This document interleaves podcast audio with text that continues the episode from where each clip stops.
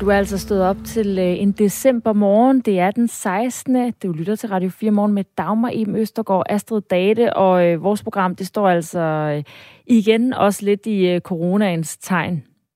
Ja, det gør det, fordi alt for mange gymnasieelever de tager i skole med coronasymptomer, og det gør de for at undgå at få fravær. Det oplever danske gymnasieelevers sammenslutning, som kalder det her et kæmpe problem. De vil altså have nødundervisningen tilbage, så man som elev kan blive hjemme fra skole, uden at få fravær, hvis man har coronasymptomer. Vi spørger Socialdemokratiets undervisningsordfører, hvad han siger til det forslag. Og så er der hos familier med børn i folkeskolen øh, igen hjemmeundervisning. Fremad i går blev alle elever i grundskolen nemlig sendt hjem for at mindske coronasmitten. Lidt senere taler vi med en mor for at høre, hvordan det så går med hjemmeundervisning af to børn samtidig og hjemmearbejde oveni. Og for første gang, der har flere pakkedistributører i år lavet en julekonkurrence, hvor man kan deltage i lodtrækningen om gavekort til forskellige sådan ekstra gaver. Og man deltager altså kun, hvis man afhenter sin pakke på udleveringsstedet inden for 24 timer, altså et døgn. For onlinehandlen stormer nemlig igen i år frem. Og det skaber altså pres og pladsmangel hos pakkedistributørerne. Distributørerne hedder det. Men øh, først der skal vi altså høre om øh, folk, der øh, gør noget for at føle sig ekstra tryg i forhold til corona i den her juletid. Både med at få en øh, ekstra PCR-test, og så øh, kirkerne, der øh, nu kræver billet for at komme til julegudstjeneste. Ja, og du kan selvfølgelig skrive ind på 1424. Du starter med R4, laver et mellemrum og sender din besked afsted. Klokken den er 7 minutter over 7. Godmorgen.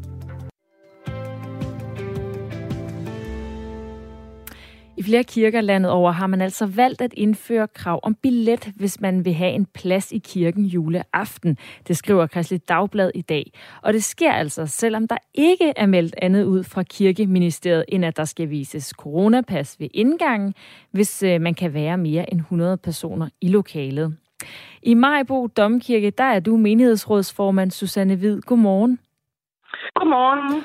Og I er altså en af de kirker, der har valgt at indføre krav om plads til julegudstjenesterne i Majbo Domkirke. Hvorfor har I det? Det har vi, fordi vores kirke jo faktisk til daglig, hvis vi proppede folk ind, så kunne der være 600 mennesker. Og vi ved jo, at juleaftensgudstjenesterne er meget populære. Folk de kommer hjem til familien til jul, og så er det tradition, at man, øh, at man går i kirke om eftermiddagen. Øh, og det øh, sidste år, der øh, havde, gjorde vi det samme. Der indførte vi også billetter, men der blev det hele jo lukket ned lige, lige juleaften. Så øh, i år der tænkte vi, nu kan vi lige så godt være på forkant med det og sørge for, at folk de kan komme til gudstjeneste uden at være nervøse for at få corona. Men det er jo netop ikke meldt øh, ud fra kirkeministeriet andet, end at man skal vise coronapas ved indgang, hvis man kan være mere end 100 personer i lokalet. Og det kan mm. man så jo hos jer i Majbo Domkirke. Så hvorfor føler I, at det alligevel er nødvendigt at tage jeres øh, egne forholdsregler? Altså for det første, så har vi jo fra vores stift, øh, som er Lolland Stift, fået anbefalinger om, at vi ligesom skal øh, forsøge på at øh, gøre det så trygt som muligt for folk og øh, sørge for at være ligesom kommet i møde. Og da vi jo allerede sidste år havde øh, arrangeret det og fandt ud af, at det var faktisk let, og folk ville gerne gøre det på den måde, så tænkte vi, så kan vi godt gå i gang med det med det samme. Så øh, det er jo ikke kun os, det er vores personale, vi skal tænke på. Så stoler du ikke helt på de restriktioner, der er nu, og at de kommer til at holde? Øh, jeg er lige ved at sige, hvem stoler rigtig på noget efter? Fordi tingene kan blive lavet om fra dag til dag, og det kan da også være, at det ender med, at det, der måske bliver nedlukning igen, hvem ved. Men øh, vi, vi, øh, ja, vi, der er jo ikke noget galt i at gøre det. Øh, I forvejen så er det jo ubehageligt juleaften, at der står folk udenfor, som ikke kan komme ind, og som havde regnet med, at de skulle i kirke. Så kunne jeg jo lige så godt indføre det. Øh, så det er ikke, fordi vi ikke stoler på det, men fordi at det også er et praktisk hensyn. Og jeg sætter lige nogle ord på, den her, øh, på det her billetsystem. Det er hjemmesiden pladsikirken.dk som øh, er blevet oprettet i løbet af de første nedlukninger. Og hjemmesidens ophavsmand melder om en stor stigning i aktiviteten den sidste uge, hvor de 15 kirker fra hele landet allerede har oprettet julegudstjenester i det her billetsystem. Og han forventer, at der kommer endnu flere julegudstjenester i øh, den kommende uge. Nogle kirker kører dog også øh, booking af billetter på deres egne hjemmeside. Det gør I blandt andet i Majbo øh, Kirke. Ved julegudstjenesterne i netop Majbo Kirke, der er der altså plads til 100 ved hver af juleaftens fire gudstjenester, selvom der egentlig er plads til 350 i kirken. Mm. Så er I ikke med til at øh, skubbe til, at endnu flere kirker kræver plads til jul? Altså, det her betyder jo, at der er færre, der kan komme ind og nyde en julegudstjeneste. At der netop mm. kommer til at stå nogen udenfor og ikke kan komme ind. Jo, nej, det tror jeg ikke. Øh, og så du tænke på en ting, og det er, at øh, det, der sker i øjeblikket, og det med de, vi har jo mange arrangementer i vores kirke, øh, store og små, og der kan, oplever vi simpelthen, at der er et kæmpe fald i deltagere. Og det er, fordi folk er utrygge. De siger det direkte. Så derfor, hvis vi kan være med til at gøre folk trygge ved at lave de rigtige foranstaltninger, så vil vi gerne gøre det. Og jeg kan fortælle dig, at til de to øh, gudstjenester, vi har om eftermiddagen, der er der allerede fuld hus, eller der er bestilt alle de billetter, der kan bruges. Og så har vi også to forestillinger om eftermiddagen, og der er ikke nogen grund til, at folk de skal kunne forgæves øh, og ikke kunne komme ind. Så derfor. Men hvorfor ikke øh, lave, øh, altså lave billetter til 350, når det er det, der er plads til i kirken, i stedet for øh, kun 100? Det er fordi, at du hvis folk skal kunne sidde på, sådan som vi har haft det også under den tidligere omgang af corona, skal sidde langt nok væk fra hinanden. Du skal tænke på, at i kirken, der synger vi jo, og øh, det er en af de ting, som kan give et problem med coronaen. Øh, så skal der gerne kun kunne sidde nogen på hver anden bænk, og så har vi nogle ekstra stole, så vi har indrettet det sådan. Og i øvrigt, så og det bliver jo ikke nogen hemmelighed, når nu det er i radioen, men vi kan lukke lidt flere ind, har vi aftalt, hvis der kommer nogen øh, langvejs fra, eller dårligt gående, eller noget andet, så kan vi lukke lidt flere ind, uden at det stadigvæk bliver noget kæmpestort problem. Sundhedsstyrelsens direktør Søren Brostrøm, han regner ikke med, at vi skal være lige så strikse med restriktionerne til jul i år som sidste år. Mm-hmm og netop også i forhold til sådan noget med afstand, altså tænker du ikke, at de ville sige, hvis det var, at I skulle skabe den her plads og lave de her hensyn, hvis det var nødvendigt, at så ville I få det at vide? Øh, jo, og det fik vi jo så også vide sidste år, at øh, man var nødt til at gøre tingene, og alligevel så endte det skidt. Altså, vi er bare blevet enige om, at, øh, at øh, vi kunne lige så godt gå i gang med det samme og sørge for, at, at øh, tingene var trygge. Og folk udtrykker ikke andet, end de er tilfredse med det. Så, så derfor, derfor. kan man altså øh, booke billet, øh, måske nå det endnu, til julegudstjenesterne ja. i øh, Majbo Kirke. Yep. Det kan man nemlig. Tak, Susanne Hvid, menighedsrådsformand. Ja, tak fordi I ringede mig op. Hej. Klokken den er i 13 minutter over syv, og du lytter til Radio 4 morgen. Og vi bliver sådan lidt ved øh, samme tema på en eller anden måde, altså det her med jul og corona. Statens Serum Institut de opfordrer lige nu til, at man øh, tager en hurtig test, hvis man bare har brug for en test til et coronapas. Og det skyldes altså presset på PCR-teststederne.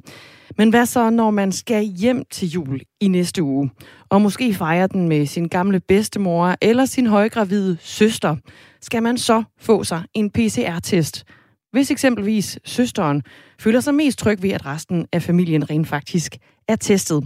Det skal vi blive klogere på sammen med dig, Eskil Petersen. Godmorgen. Godmorgen. Du er professor emeritus i infektionssygdomme ved Aarhus Universitet. Og lad os bare starte her. Du skal hjem til jul, hvor din højgravide søster også er. Er der grund til at få en, øh, en PCR-test inden det? Uh, det er svært at sige, men uh, min holdning er, at man skal snakke sammen, høre om nogle af dem, man planlægger at fejre jul sammen med, har været udsat for smitte på, i deres hjem eller på deres arbejdsplads. Og øh, hvis der ikke er det, så alle mener, at de ikke har været udsat for smitte, så mener jeg ikke, at der er nogen grund til at øh, lade sig teste. Jeg tror, man skal prøve at lade være med at lade sig PCR-teste, fordi der er et øh, socialt arrangement. Og det er bedre at ligesom prøve at lave et... Øh, et survey over de andre mennesker, man skal være sammen med, og høre, om der har været nogle konkrete smitterisikoer øh, i deres omgivelser. Hvis der ikke er det, så tror jeg trygt, man kan, man kan mødes. Men du tager en øh, lyntest så? Lyntesten giver jo en lavere sikkerhed end PCR-testen, fordi du skal have flere virus i din luftveje, før lyntesten bliver øh, positiv. Så jeg vil, jeg vil hellere sige, brug din sunde fornuft og snak sammen og hør, om der er smitte i omgivelserne blandt de mennesker, du skal være sammen med. Så man skal snakke om, om der er smitte, og så skal man tage en lyntest i så fald? Nej, hvis, man, hvis der ikke er smitte blandt de mennesker, du skal være sammen med, så er der heller ikke nogen grund til at tage en lyntest, fordi den giver dig ikke nogen reel sikkerhed. Og hvis der er nogen i øh, blandt de mennesker, du skal være sammen med, der har været udsat for smitte, så bør vedkommende lade være med at deltage i øh, sammenkomsten. Det, øh, det tror jeg giver den største sikkerhed for alle sammen. Men øh, der er jo mange, der tager de her test for at føle sig trygge, altså som øh, måske ikke har været sammen med nogen, der er smittet, men fordi de netop skal besøge nogle ældre bedsteforældre eller gravide familiemedlemmer, så gerne vil være sikker på, at de ikke er smittet uden at vide det. Altså, vi hører jo, at man øh, kan gå med de her øh, virus uden at mærke det, og så smitte, inden man faktisk selv får symptomerne. Kan du forstå, at der er så mange, der øh, vælger at tage en PCR-test, og dermed også er med til at presse systemet og tage testene fra dem, der måske i virkeligheden har brug for det, nemlig dem med symptomer? Ja, men det, det forstår jeg udmærket, men øh, det er stadigvæk vigtigt at gøre sig, gøre sig klart, at dem, der har symptomer eller har en konkret smitterisiko, det er dem, vi skal prioritere i de her test. Og øh, det er rigtigt nok, du kan være øh, smittet, øh, og du kan udskille virus, uden at øh, du er klar over det. Øh, men stadigvæk er vi nødt til at prioritere, og, øh, og derfor mener jeg, at hvis der er en konkret smitterisiko, så skal man holde sig væk fra so, sociale arrangementer. Men hvis, der, hvis man ikke har været udsat for nogen smitterisiko, og ikke har nogen symptomer, så er det stadigvæk, øh, der, det er stadigvæk mindre sandsynligt, at du er smittet, og du udskiller virus. Øhm, og det øh, tror jeg er den bedste måde at gøre det på i en situation, hvor der er virkelig pres på øh, PCR-testene. Og vi kunne godt tænke os at høre fra dig, der lytter med derude. Hvis du øh, har planer om at tage en, øh, en PCR-test, eller en lyntest for den sags skyld inden jul, men det kan være, at du jo allerede faktisk har bestilt en tid til en, øh, en PCR-test inden jul. Skriv ind, hvis du har øh, gjort det. Skriv til R1424, øh, du starter med R4 og laver et mellemrum. Og så lige øh, begrund, hvad er overvejelserne i forhold til, at du har besluttet dig for at få en PCR-test herop til jul. Sundhedsstyrelsen de anbefaler jo, at du bliver testet med en PCR-test, hvis du har symptomer på covid-19, hvis du har en positiv hurtigtest eller selvtest, eller hvis du er nær kontakt til en person, der er smittet med coronavirus. I andre situationer, der kan det være en, en god idé at blive testet med en, med en hurtig test. I hvad for nogle situationer, Eskil Petersen, vil du mene, at der er god grund til at få foretaget en test, inden man mødes til jul eller til julefrokost? Altså både en PCR-test og en lyntest? Jamen helt klart, hvis øh, det er sådan, at øh, du for eksempel har siddet på et øh, kontor på dit arbejde, hvor der en øh, anden af dine kollegaer, der øh, tester positiv, eller hvis øh, du begynder at få symptomer, at du synes, øh, at øh, du begynder at få lidt feber og begynder at føle dig lidt, øh, lidt snottet, så vil jeg absolut gå og få lavet en, en test. Og hvis du ikke kan få en til en PCR-test, så vil en lyntest være det næstbedste. Så helt klart. Og så det er især det her med at vide, om der er nogen i omgivelserne, der har været syge, eller som har været udsat for smitte. Det er der, man skal øh, bruge testene. Det sagde Eskil Petersen. Tak for det. Ja, selv tak. Professor emeritus i infektionssygdomme ved Aarhus Universitet. Lytter til Radio 4. Er vi alle sammen? Amalie? Ja. Rapporter Rasmus? Ja. Og jeg er her også. Missionen. Mandag til fredag fra 15 til 17 her på Radio 4 og efterfølgende som podcast. Missionen er vores eftermiddagsprogram her på Radio 4. Der er ting, der skal fixes. Det kunne være, at øh, vi en gang for alle skal have legaliseret hash, eller måske få vareskælderen tilbage i supermarkedet. Ja, det ved jeg. Det er din helt store ting. Radio 4 taler med Danmark. Klokken den er 19,5 minut over syv, og du lytter til Radio 4 morgen. Og hos familier med børn i 0. til 9. klasse, der står det i de her dage igen på øh, hjemmeundervisning. Fordi fra med i går, der blev alle elever i grundskolen nemlig sendt hjem for at mindske coronasmitten. Men hvordan kombinerer man egentlig bedst undervisning, børnepasning og så selvfølgelig sit eget hjemmearbejde? Det har du nogle bud på, Barbara Gammelgaard. Godmorgen. Godmorgen. Du har to børn, der skal hjemmeundervises. En, der går i 0. klasse, og så en, der går i 3. klasse. Og alt imens, så skal du jo også passe dit job som øh, afdelingsleder i fagforeningen IDA hjemmefra. Og vi talte med dig i radioen i sidste uge, da det lige var blevet offentliggjort, gjort, at øh, børnene de bliver sendt hjem fra, øh, fra skole, og det var du kritisk over øh, den her beslutning. Men den er altså en, øh, en realitet, Og i går der lå I farmor passe, men i dag der skal du altså arbejde hjemme og hjælpe med hjemmeundervisning. Så hvordan kommer du til at gøre det? Altså, jeg har valgt at øh, have en, en dag, hvor jeg har tilrettelagt min kalender lidt anderledes end normalt. Jeg har prøvet at samle mine møder i sådan en klump, så børnene måske kan underholde sig noget andet, imens jeg har møder, og jeg så kan arbejde lidt mere fleksibelt sammen med dem, når, øh, når de har nu skal være herhjemme sammen med mig. Øh, så, det, så for mig så er det et spørgsmål om at være så øh, fleksibel og egentlig også prøve at være mere til stede, når jeg er sammen med dem. Så øh, jeg prioriterer nok at have mindre øh, krav til mig selv i forbindelse med arbejdet og prøve at vægte mere at være sammen med dem. Ja, fordi hvordan, altså, jeg tænker, hvordan, har, hvad for nogle forventninger har du til, hvordan dagen her den skal, skal forløbe, Barbara Gammelgaard? For mig er det vigtigste, at børnene får en god dag, for at være helt ærlig. Øh, det, der er det vigtige, det er, at de føler, at jeg er til stede, og at de ikke øh, blot er overladt til dem selv. Vi har øh, ikke noget teamsundervisning, for eksempel fra skolen, så derfor så, øh, så er det noget, jeg ene alene skal passe. Vi har fået nogle øh, opgavehæfter, og dem kommer de til at sidde med, og derudover så har jeg også planer om, at vi skal ud på tur, og måske lære på en anden måde, end man lærer, når man er i klassen. Ja, og hvordan kan man øh, lære på en anden måde der? Jamen det jeg for eksempel gjorde, øh, kan man sige, nu har jeg jo haft min datter, hun var også øh, hjemsendt sidste år, og der var vi i, der prøvede jeg at have et begreb, jeg kaldte for eksempel matematik i hverdagen. Så det var noget med, øh, hvordan kan vi egentlig bringe det ind, som de lærer i hverdagen, så de egentlig kan se, hvor de kan bruge det henne. Så vi skulle have en ny reol, så det var noget med at sætte os ned og øh, måle op til det og finde ud af, hvor meget areal havde de her stykker, så som vi skulle bruge. Så egentlig at tage noget af det, de lærer i skolen, ind på en, på en mere almindelig måde. Og så havde jeg jo også et behov for at, øh, at prioritere, at de skulle have mere tid socialt, så jeg nedbragte mængden af skoletid. De var ikke i skole fra klokken 8 til klokken halv to hver dag. Alle elever i grundskolen, de skal altså indtil videre være hjemme til og med tirsdag den øh, 4. Januar mens elever på efterskoler og frie fagskoler de hjemsendes til fjernundervisning fra og med på søndag den 19. december, og så til og med fredag den, øh, den 7. januar. Den vigtigste læring, du har jo været igennem det her før, kan man sige, øh, Barbara Gammelgaard med, med din, øh, din datter, altså Solvej på 9, der nu går i 3. klasse. Hun har været hjemsendt før. Hvad var den vigtigste læring fra sidste gang, da, da der var hjemmeundervisning og hjemmearbejde jo? Det var at neddrosle forventninger, og det var at have mere fokus på, at det skulle være en god tid, og at øh, hvis en eventuel boglig læring ikke blev imødekommet 100%, så var det også okay. Så det var simpelthen at, at ændre forventningerne til, hvad det var, vi skulle sidde med. For da vi prøvede at lave ren hjemmeskole og øh, opgaver og gøre det meget stringent, så fungerede det utroligt dårligt. For vores familie i hvert fald.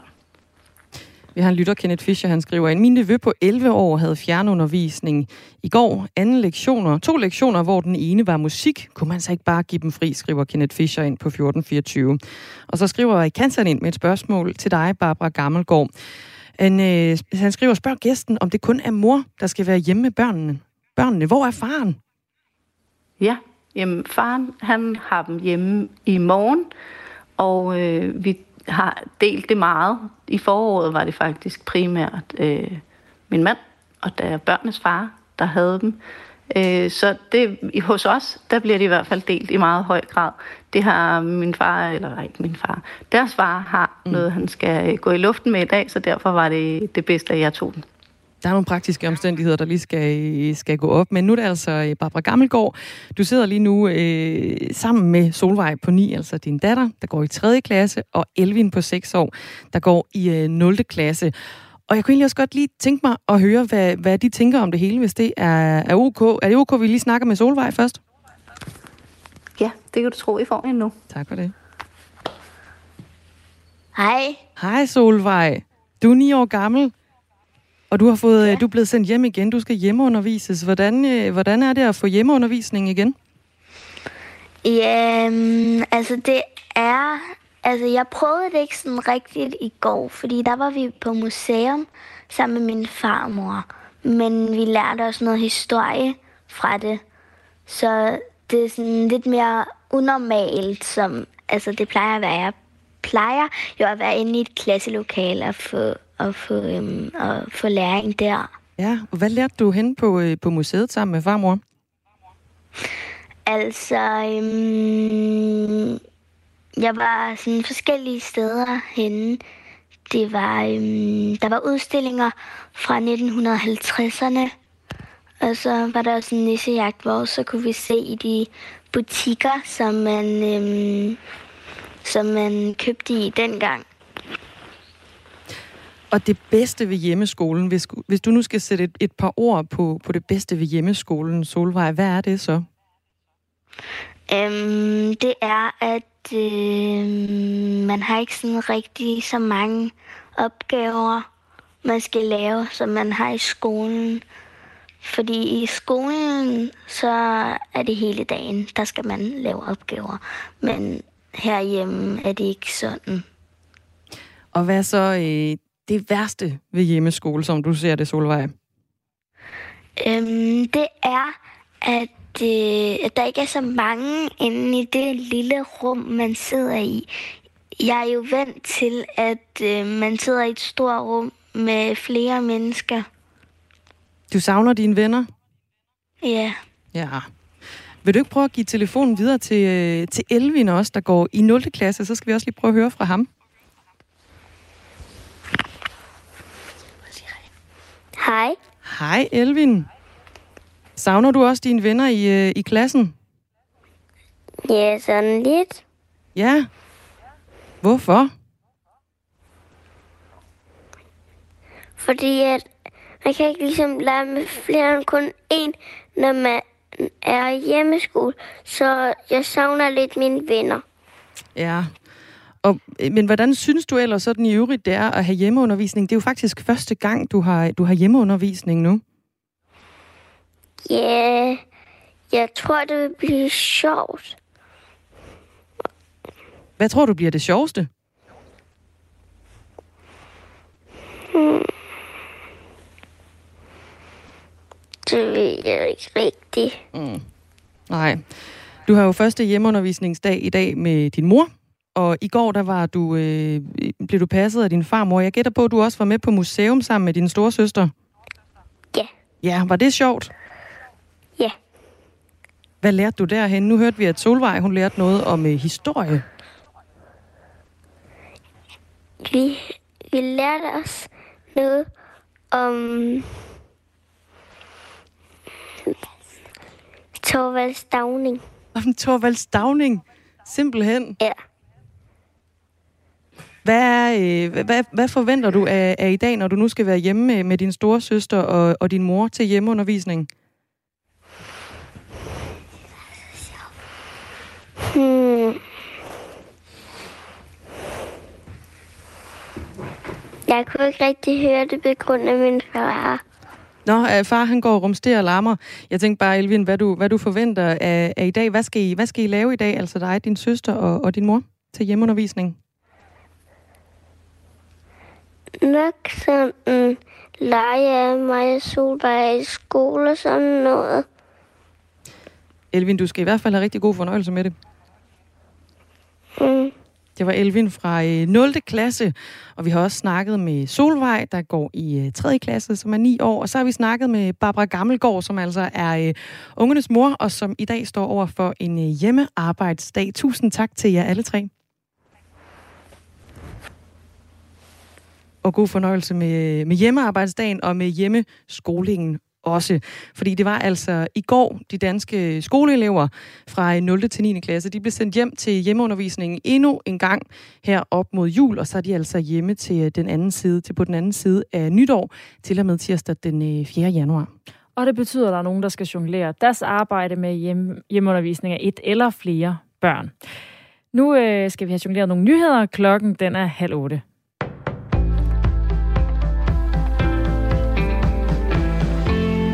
Dansk Folkeparti har meddelt Folketingets administration, at partiet vil have ophævet clearingaftalen, når der skal stemmes i Folketinget om Inger Støjbergs værdighed. Det betyder, at alle medlemmer af Folketinget skal møde frem og fysisk afgive deres stemme.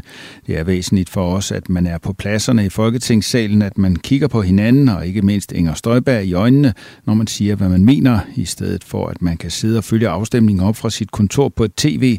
Det synes jeg ikke er ordentligt simpelthen, og derfor har vi bedt om at få ophævet clearingaftalen aftalerne, siger stifter af Dansk Folkeparti og tidligere formand for Folketinget, Pia Kærsgaard. Normalt bruger Folketinget clearingaftaler, når der skal stemmes. Det er en uformel aftale mellem partierne, der sikrer, at medlemmerne kan blive væk fra afstemninger, uden at det ændrer på et eventuelt flertal. Medlemmerne kan så bruge tiden på andet arbejde. Men den er nu opsagt af Dansk Folkeparti, og dermed skal alle medlemmer af Folketinget altså i salen for at stemme. I går stod det klart, at et flertal i Folketinget vil kende tidligere udlænding- og integrationsminister statsminister Inger Støjberg uværdig til at sidde i Folketinget. Mens sygeplejersker råber op om stigende travlhed og pres, er antallet af klager over sygeplejersker i Region Hovedstaden på himmelflugt. Det viser en agtindsigt, som TV2 Lorge har fået i antallet af klager over sygeplejersker i Region Hovedstaden. Her fremgår det, at klagerne de seneste år stabilt har ligget på et niveau mellem 143 og 179 årlige klager fra patienter og pårørende over sygeplejersker. Det svarer til et gennemsnit på 157. Men i år er det tal allerede steget til 242 alene frem til den 24. november. Styrelsen for Patientklager oplyser til TV2 Løje, at klagerne er forskelligt rettet, og mange over, at det er umuligt at konkludere på generelle tendenser, og at det fortsat er læger, der bliver klaget mest over. Dansk Sygeplejeråd fortæller til gengæld til TV2 Løje, at der igennem en årrække har været fortsat flere patienthenvendelser vedrørende sygeplejersker, mens det for lærernes vedkommende har ligget på et stabilt niveau. Stigningen fortæller, at det er alvorligt. En af grundene er mangel på kolleger på afdelingerne. Opgaverne bliver mere komplekse, og vi bliver færre på afdelingerne, siger Kreds næstformand for Dansk Sygeplejeråd i hovedstadsområdet, Harun Demirtas til TV2 Lorge. 488 journalister sidder i øjeblikket fængslet over hele verden for at passe deres arbejde. Det er det højeste tal siden journalister uden grænser begyndte at tælle for mere end 25 år siden. Det oplyser NGO'en i dens årlige rapport om global pressefrihed ifølge nyhedsbureauet DPA. Tallet repræsenterer ifølge organisationen en stigning på 20 procent i forhold til sidste år. Særligt Kina, Myanmar og Hviderusland beskyldes i rapporten for at være årsag til den kedelige udvikling. Den utrolige stigning i antallet af vilkårlige tilbageholdelser skyldes primært tre lande, hvis regeringer er ligeglade med deres borgers hungren efter demokrati, skriver forfatterne til rapporten ifølge DPA. Fire børn er døde og skille andre er i kritisk tilstand efter en hoppeborgsulykke i den australske delstat Tasmanien, det skriver avisen The Sydney Morning Herald. Ulykken skete på en skole i byen Devonport omkring klokken 10, da et kraftigt vindstød blæste hoppeborgen cirka 10 meter op i luften, mens børnene legede på den. Optagelser fra stedet viser forældre, som ankommer til skolen for at hente deres børn og elever, der strømmer ud gennem portene. Australiens premierminister Scott Morrison kalder ulykken rystende og hjerteskærende. Tørt med en del sol, men i den sydlige del af landet skyde og diset vejr først på dagen. Temperaturer i dag op mellem 5 og 8 grader og let til frisk vestlig vind.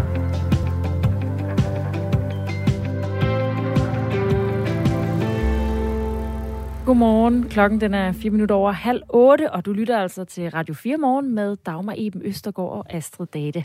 Ja, og øh, i den kommende halve time her, der skal vi snakke om alt for mange elever, som øh, alligevel sidder rundt omkring i de danske klasselokaler på gymnasierne. Og det gør de med coronasymptomer. De sidder der simpelthen for at undgå at øh, få fravær. Det fortæller i Danske Gymnasieelevers sammenslutning, som kalder det her et, øh, et kæmpe problem. Vi har talt øh, tidligere i morges med Alma Tynel, og vi fortsætter altså øh, historien i den her halve time. Hun er øh, for kvinde og også talsperson for Danske Gymnasieelevers Sammenslutning, der altså råber op nu. De vil nemlig rigtig gerne have, øh, have retten til nødundervisning tilbage i, i de danske gymnasier, sådan så eleverne de ikke behøver at møde op med coronasymptomer. Hun siger sådan her. Jamen, det er vigtigt, at man genindfører øh, retten til elever til den øh, virtuelle nødundervisning, eller nødundervisning, hvor man får hjemmeopgaver med hjem, uden at få fravær, sådan så vi kan inddæmme samfundsmidlen sammen. Vi ville øh, rigtig gerne have spurgt øh, børne- og undervisningsministeren, hvad hun siger til det her ønske fra de danske gymnasieelever. Men vi har altså ikke, øh, hun har ikke ønsket at stille op her til morgen i Radio 4 morgen. Til gengæld så har vi fået Jens Jol med fra Socialdemokratiet også, som er undervisningsordfører. Og ham taler vi med om cirka 10 minutter. Lige nu der er klokken øh, 24,5 minut i 8, og det er Radio 4 morgen, du lytter til.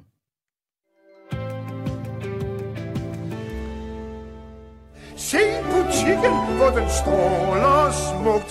Varer kan man få i tusindvis. Tænk dem bare under indkøbspris. Pris, pris, pris, pris,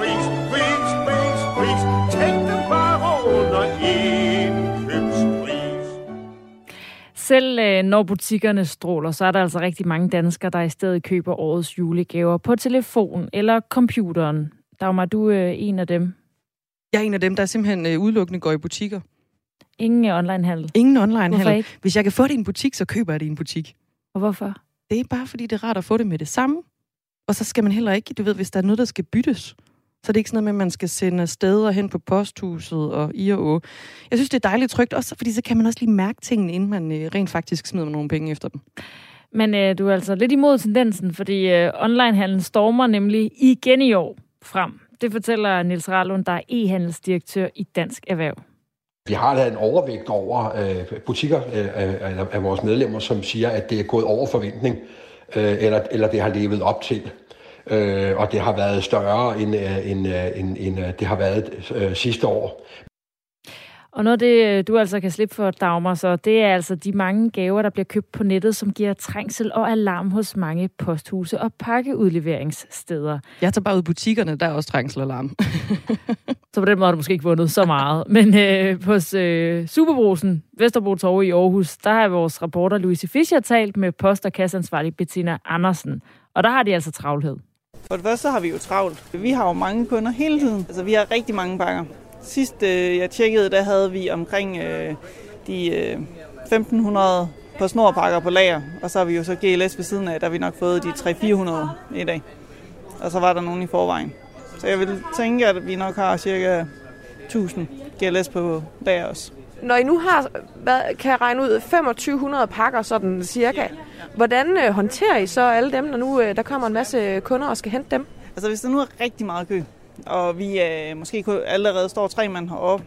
Men så ringer vi øh, simpelthen ned øh, til tørvarer, øh, til Rasmus, vores uddeler, eller vores souschef Søren, eller ferskvarer, og spørger, om de ikke vil komme op og hjælpe os med simpelthen at tage pakker. Så vil Grønten komme op og hjælper med at tage pakker. Øh, så vi hjælper alle sammen hinanden, fordi at jo hurtigere vi får kørt ved, køen i bøn, jo hurtigere kan vi også komme ud og hjælpe alle andre. 53. Og nu har vi øh, pakkechef hos PostNord med os. Godmorgen, Lene Reipurt. Godmorgen. Vi hører jo om øh, ekstrem travlhed hos de steder, der udleverer pakker til os. Og så har I altså øh, fundet på noget, som skal få os til at gå ned og hente pakkerne med det samme, i stedet for at vi øh, bestiller en masse ting og lader det hele ligge til alle ærter, og så henter det hele samlet til sidst. Hvordan er det, I øh, prøver at sikre, at, øh, at alle går ned og henter deres pakker?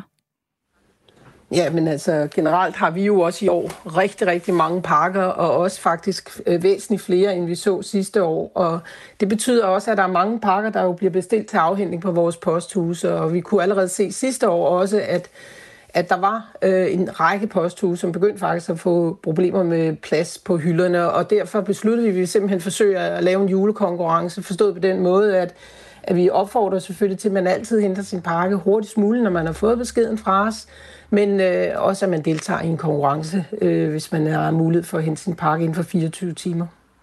Og den her konkurrence, det er altså en lodtrækning om gavekort til forskellige gaver, hvis man henter sin pakke på udleveringsstedet inden for 24 timer. Det gør blandt andre øh, Bring, men også i, øh, hos på Snor har jeg altså den her konkurrence, hvor man kan vinde en cykel, eller en køkkenmaskine, eller en tablet. Udover det, hvordan sikrer I så, at alle pakkerne når frem inden jul, når der er øh, travlhed, som der er den her måned? Jamen, vi har jo bare ekstra, ekstra, ekstra mange hænder. Øh, vi har rigtig mange medarbejdere, der er inde nu, og nu nærmer vi os jul, det er næste uge, og vi kan se, at pakkemængden, de fortsætter faktisk med at ligge rigtig, rigtig højt, og vi har jo så hen øh, mod den kommende weekend også øh, indsat et ekstraordinært stort hold af af gode kollegaer, som øh, kommer ud og bringer pakker ud hele weekenden, både lørdag og søndag. Og så sørger vi selvfølgelig også hele tiden for at fokusere på, om vores posthuse er med, og ser, hvor vi kan hjælpe til. Og så skriver vi, hvor vi kan komme afsted med det. Husk, hent din pakke, kom hurtigst muligt, hjælp med at skabe noget plads på hylderne. Men kunne man ikke argumentere for sådan rent øh, pandemimæssigt, at i stedet for at hente det hurtigst muligt, så var det faktisk bedre at øh, vente med at hente sine pakker, til de alle sammen ligger samlet, og så hente dem på én gang? Altså, jeg, jeg mener også, at vores øh, posthuse og sådan noget, de tager alle de forholdsregler, de skal tage, og passer rigtig meget på, at, at øh, der ikke er nogen problemer her. Og selvfølgelig kan man øh, samle sine pakker, men jeg vil sige, som den mængde, der er lige nu, så er det altså bedst, at man får hentet pakken, og derfor opfordrer vi jo eksempelvis også, at man kommer til ydre tidspunkter på dagen, hvis man overhovedet har mulighed for det, så man ikke lige kommer i den mest travle periode og får hentet sine pakker. Vi har simpelthen plads, eller brug for plads på hylderne derude nu. I forhold til at få både mere plads på hylderne og tage noget hensyn til smittefaren, ville det bedste i virkeligheden så ikke være at få flere til at udlevere øh, pakker eller levere dem på folks adresser, i stedet for at kunderne skal stå i øh, lange køer nede i øh, posthuset? Jamen det er sådan jo i dag, når du bestiller en pakke, så har du ofte muligheden for enten øh, at få den som en hjemmelevering, eller at hente den på posthuset. Og vi har kunnet se gennem den her øh, øh, Black Friday juleperiode, så ligger det cirka 50-50. Altså halvdelen af kunderne vil rigtig gerne have pakkerne helt hjem på adressen, og den anden halvdel vil rigtig gerne have den ud på vores posthuse. Også fordi man, øh, mange får det jo også ud på nogle posthuse, hvor de måske i forvejen har deres dagligvarehandel. Og, og plejer det at være sådan et 50-50, eller er det også... Øh, så er, der, er det nogle ændrede tal i forhold til sådan noget corona? Ja, altså generelt vil jeg sige, lige da coronaen begyndte at komme i 2020, så var der jo selvfølgelig en kraftig stigning imod hjemmelevering, også da der var øh, lockdown og endnu flere sad hjemme. Øh, men jeg vil sige, at vi kan se i den her øh, Black Friday jul, der er der faktisk flere, som vælger igen at få det på posthuset. Og det kan man altså stadig øh, altså få sin øh, pakke leveret på posthuset, og man skal gerne hente den hurtigst muligt, lyder altså opfordring fra PostNord. Tak fordi du var med, Lene Reiport. Ja, selv tak. Som er pakkechef. Der er en, der skriver, det er i hvert fald dårligt for miljøet at få folk til at hente pakker flere gange. Ja. Men det kommer man an på, at man gør det ja, på gåben cykel. Ja.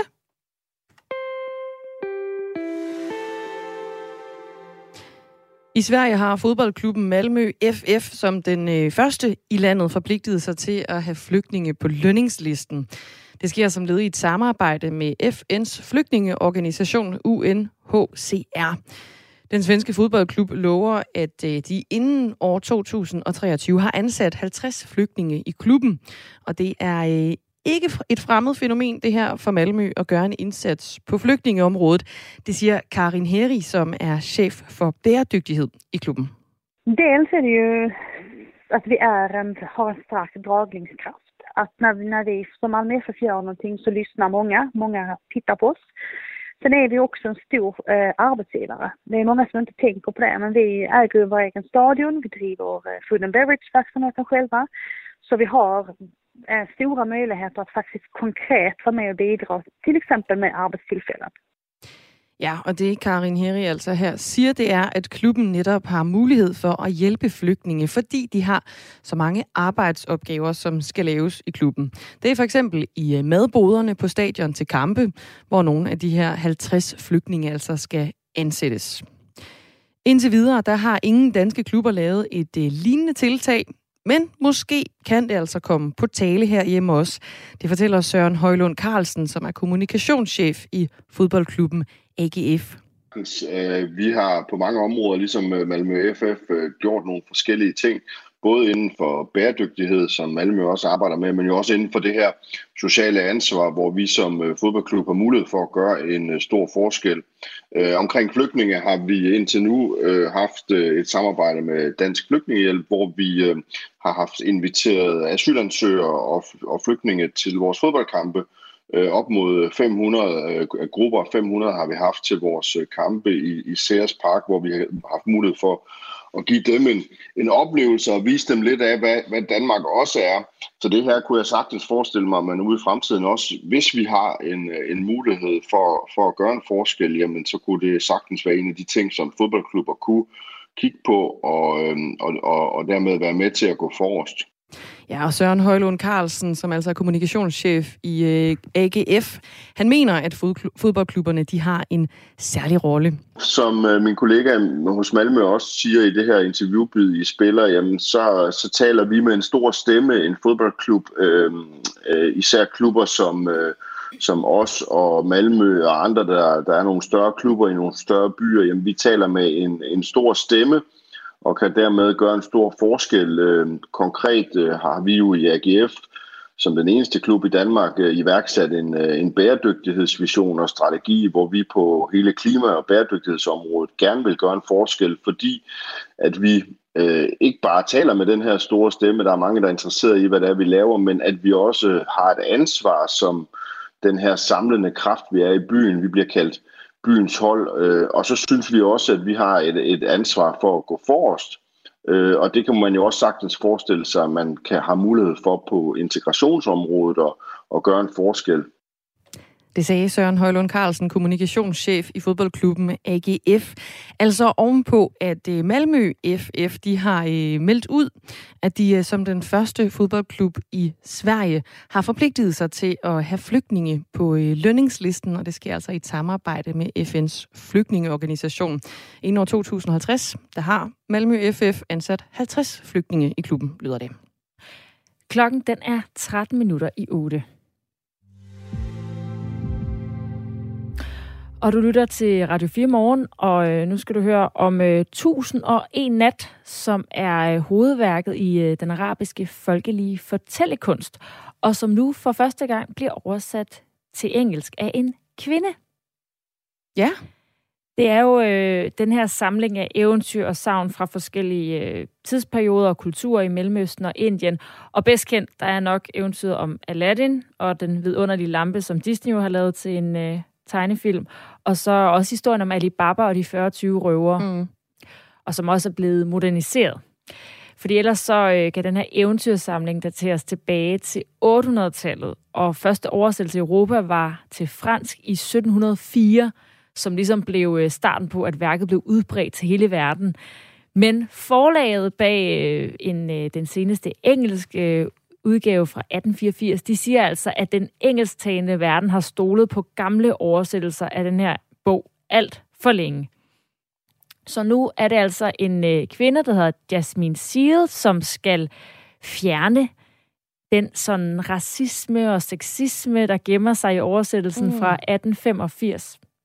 Og på den måde skrive, øh, altså skrive altså i virkeligheden, ja, måske historien er lidt om at trække nogle karakterer frem, der måske har været lidt i baggrunden. Så den får simpelthen sådan lidt en Pippi Langstrømpe-overhaling? Ja, den får lidt en, øh, en moderne sådan uh, wokeness over sig i den nye oversættelse. Mm. Der er et eksempel på en historie, øh, det er en gyserhistorie, Sidi Numan, hvor at der er en mand, der ikke kan forstå, hvorfor hans kone kun spiser et enkelt riskorn til middag.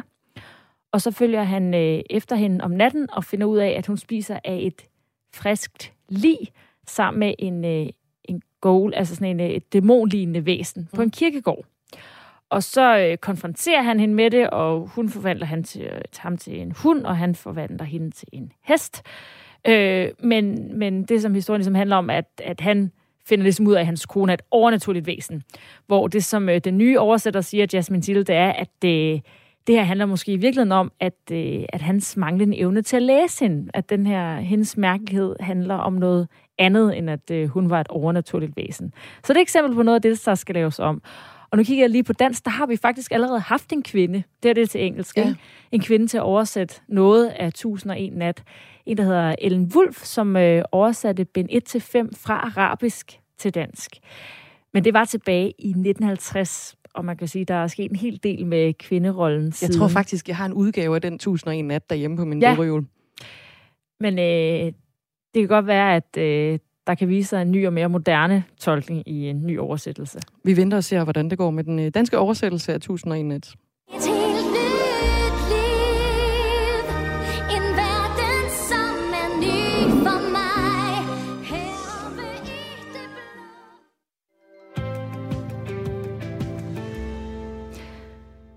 Alt for mange elever, der har coronasymptomer, de sidder rundt omkring i klasselokalerne på de danske gymnasier. Og det gør de af en simpel årsag. Det er nemlig for at undgå at få fravær. Det fortæller Danske Gymnasieelevers sammenslutning, der kalder det et kæmpe problem. Årsagen til, at eleverne de får fravær, hvis de er hjemme på grund af coronavirus, eller symptomer, det er, at de ikke længere har ret til nødundervisning. Den mulighed den forsvandt nemlig, da regeringen nedklassificerede covid-19 som en samfundskritisk sygdom tilbage i september. Og selvom coronavirus jo nu igen kategoriseres som en øh, samfundskritisk sygdom, så har eleverne altså stadig ikke ret til nødundervisning. Og det er altså Danske Gymnasieelevers sammenslutning, der kalder det et øh, stort problem. Her der er det Alma Thynel, som er forkvinde og øh, talsperson. Det har nogle konsekvenser. Øhm, man kan blive hed til samtale, og man kan blive troet om at få frataget sin SU, eller i sidste ende, eller værst blive smidt ud af skolen. Og vi har faktisk også hørt historier fra elever, som er blevet hed til samtale med en studievejleder, på trods af, at deres fravær er coronarelateret. Så det er altså en begrundet frygt, der er blandt eleverne. Ja, og de danske gymnasieelevers sammenslutning, de vil altså have genindført retten til nødundervisning, så man kan blive hjemme fra skolen med coronasymptomer uden at få fravær. Jamen, det er vigtigt, at man genindfører øh, retten til elever til den øh, virtuelle nødundervisning, eller nødundervisning, hvor man får hjemmeopgaver med hjem, uden at få fravær, sådan så vi kan inddæmme samfundsmidlen sammen. Ja, og vi øh, har henvendt os til børne- og undervisningsministeren i forhold til, hvad hun siger til gymnasieelevernes øh, ønsker her, men hun har altså ikke ønsket at stille op i Radio 4 morgen i dag. Til gengæld så kan jeg sige godmorgen til dig, Jens Jol. Godmorgen. Du er jo undervisningsordfører i øh, Socialdemokratiet.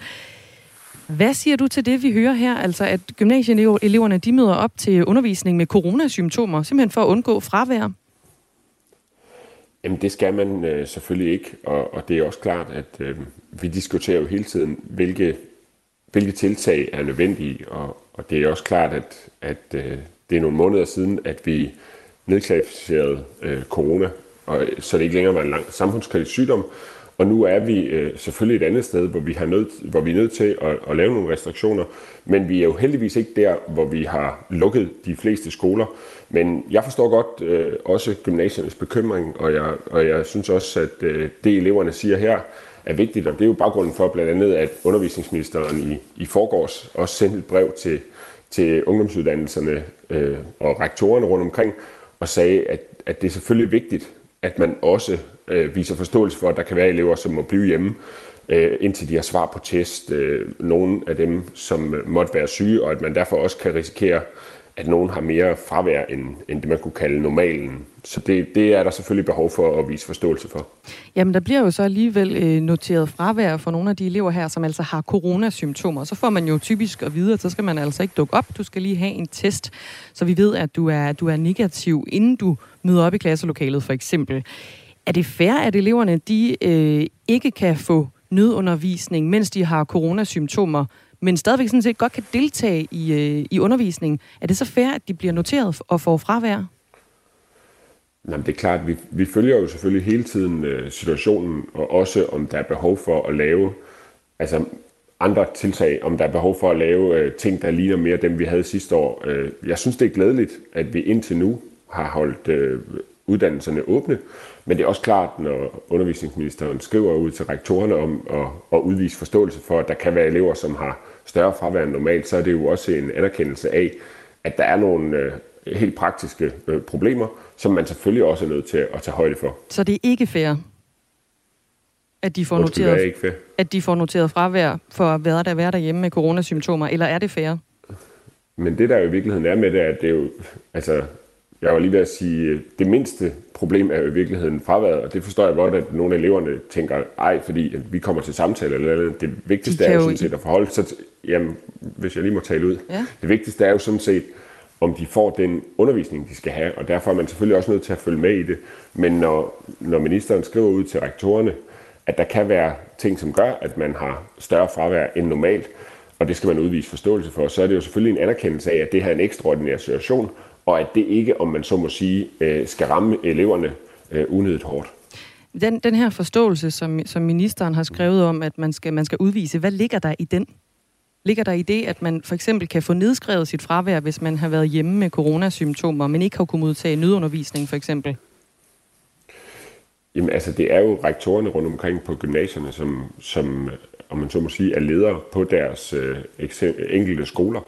Og det, der ligesom skal ligge i det her, er jo, som jeg læser det, et, et signal om, at ja, øh, nogle gange vil der grundet coronasituationen være højere fravær eller andre situationer, end vi normalt ser, og at det er man ligesom nødt til at udvise forståelse for. Og det tror jeg sådan set også godt, skolerne kan, men når det er sagt, så er det jo også klart, at vi vurderer selvfølgelig hele tiden politisk, er der brug for at, at tilpasse retningslinjerne, er der brug for at tilpasse rettighederne, er der brug for at have øh, mere nødundervisning. Og ja, det er glædeligt, at vi nu er i en situation, hvor, hvor gymnasierne i hvert fald som hovedregel ikke er lukket ned, men det ændrer jo ikke på, at vi selvfølgelig hele tiden følger med i, om der er flere, øh, der lukker ned, eller om der er behov for at lave en anden regulering, kan man sige, som ligner mere den, vi havde øh, tidligere. Men der er jo ikke nogen af os, der ønsker, øh, at der skal lukkes ned. Det her det handler om at sikre, at eleverne kommer bedst muligt igennem det, enten ved, at, øh, at den fravær, de måtte have, bliver forstået på en anden måde, end, end den måde, man normalt forstår frafærd på, eller at man, øh, at man laver øh, andre tilbud til gymnasieeleverne, og det følger vi selvfølgelig løbende med i. Men det handler vel i lige så høj grad om, om øh, nu hvor øh, danske gymnasieelevers sammenslutning melder ud, at der sidder elever rundt omkring i klasselokalerne på gymnasierne med coronasymptomer, fordi de ikke kan få, få nødundervisning, så handler det vel om, at der skal åbnes en mulighed for at løse den udfordring, så vi ikke spreder yderligere smitte i samfundet, end der jo er i forvejen. Ja, det er jo det, jeg siger. Det, det vurderer vi selvfølgelig løbende. Altså man kan sige, det er glædeligt, at vi er et andet sted, end vi var øh, sidste år med pandemien. Og det skyldes jo ikke mindst øh, vacciner, og derfor selvfølgelig også en opfordring til, at man bliver vaccineret. Men, men det ændrer ikke på, at der kan godt komme situationer, hvor vi har behov for at, om man så må sige, tage andre midler i brug. Og det vil vi selvfølgelig løbende vurdere, øh, også i forhold til, om, om eleverne rent faktisk har mulighed for at følge med, fordi at øh, fravær er selvfølgelig vigtigt, men det der jo først og fremmest er vigtigt, er jo i virkeligheden, om, om de unge mennesker får den undervisning, øh, de skal have og om de dermed bliver, bliver klar til at kunne det, som, som de skal kunne fremadrettet. Ifølge undervisningsministeriet, så har gymnasierne en bestemmelse, der giver dem ret til at lave fjernundervisning 20 procent om året. Men det kræver altså, at øh, man laver fjernundervisning for hele klassen, og ikke bare en enkelt elev, som er hjemsendt med coronasymptomer for eksempel. Sidste år, hvor samfundet ikke var lukket ned, der havde den enkelte elev ret til nødundervisning, hvis de var omfattet af de på de, tids, altså på de tidspunkt gældende retningslinjer. For eksempel at, at være nær kontakt, så kunne man få, øh, få nødundervisning. De havde øh, ret til den her nødundervisning, og det betyder altså, at de for eksempel godt kunne sendes hjem med, med opgaver eller lektier, øh, uden at få det her fravær, som de jo meget gerne øh, ikke vil have, netop fordi det kan få nogle konsekvenser for dem, de enkelte øh, elever. Hvordan kan det være, at de her regler fra sidste år, de ikke øh, gælder på nuværende tidspunkt?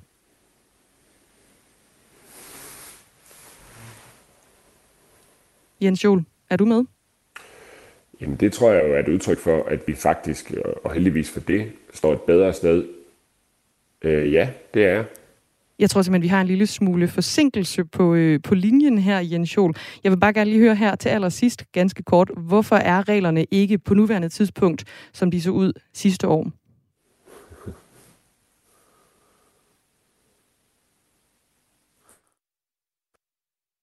Og der røg Jens Jol helt af linjen, tror jeg simpelthen. En situation, end vi havde sidste år. Men det kan jo desværre også godt være, at vi er nødt til at, at gennemføre nogle af de regler. Og...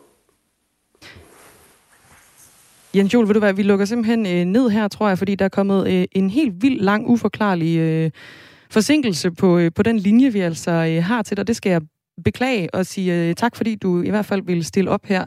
Altså Jens Jol, der er undervisningsordfører i øh, Socialdemokratiet, og ham havde vi altså med ovenpå, at danske gymnasieelevers sammenslutning, de kalder det et øh, kæmpe problem, at øh, der sidder danske gymnasieelever med coronasymptomer ude i øh, de danske klasselokaler, og det gør de altså for at undgå at få fravær for, øh, fordi de sidder derhjemme. De har nemlig ikke ret til nødundervisning, sådan som øh, det ser ud lige nu. Og vi kan lige afslutte med at høre, hvad Alma Thunel, hun siger om, hvorfor de vil have indført retten til nødundervisning igen.